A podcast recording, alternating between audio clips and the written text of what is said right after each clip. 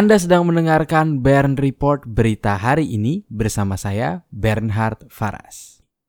Berita pertama, iPhone murah disebut akan rilis pada Maret 2020. Apple dikabarkan akan meluncurkan iPhone baru versi murah pada tahun 2020. Mereka berencana untuk memulai produksi ponsel tersebut pada bulan Februari 2020 dan akan diperkenalkan kepada publik pada bulan Maret 2020 iPhone ini disebut memiliki ukuran 4,7 inci seperti iPhone 8. Ponsel ini juga dikabarkan akan menggunakan prosesor A13 yang didukung RAM 3 GB. Untuk harga, ponsel ini diperkirakan akan dijual seharga 4,9 juta rupiah. Berita kedua, Tokopedia akan menerima suntikan dana sebesar 21 triliun rupiah. Platform e-commerce Tokopedia sedang dalam tahap akhir untuk menuntaskan putaran penggalangan dana seri G. Penggalangan dana tersebut ditargetkan untuk mendapatkan dana hingga 1,5 miliar dolar Amerika Serikat atau setara dengan 21 triliun rupiah.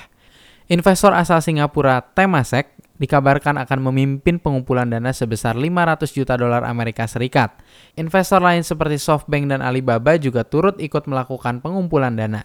Disebutkan bahwa suntikan dana tersebut akan digunakan Tokopedia untuk bersaing mendominasi pasar e-commerce di Asia Tenggara. Berita ketiga, Kominfo panggil semua operator seluler untuk evaluasi SOP ganti SIM card.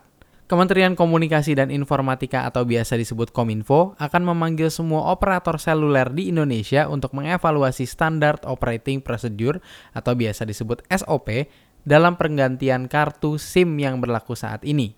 Langkah ini diambil Kominfo dalam rangka merespons kasus penipuan penggantian kartu SIM.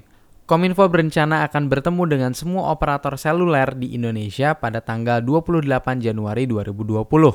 Seperti diketahui, sebelumnya terdapat seorang wartawan senior bernama Ilham Bintang yang mengalami kasus penipuan penggantian kartu SIM. Seseorang yang mengaku sebagai Ilham Bintang datang ke pusat layanan Indosat Uridu untuk mengganti nomor dan menukar identitasnya.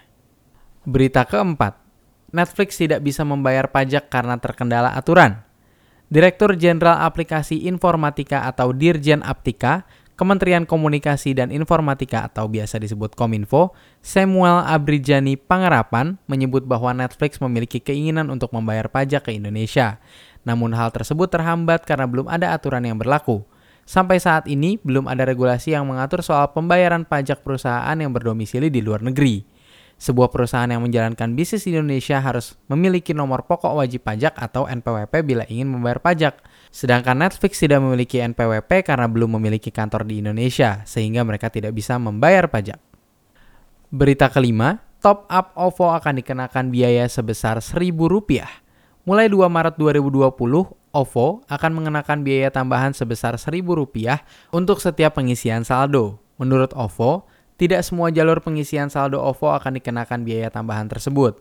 OVO menjelaskan bahwa biaya tambahan sebesar Rp1.000 berlaku pada transaksi isi saldo melalui aplikasi OVO, ATM, mobile, atau internet banking, Tokopedia, dan OVO Boot.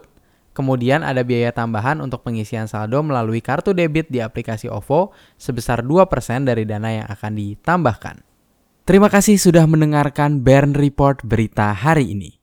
Jangan lupa untuk membagikan kanal ini kepada kerabat Anda, tekan tombol like dan subscribe untuk mendapatkan kabar terkini setiap pagi dari hari Senin hingga hari Jumat pada pukul 6.30 waktu Indonesia Barat.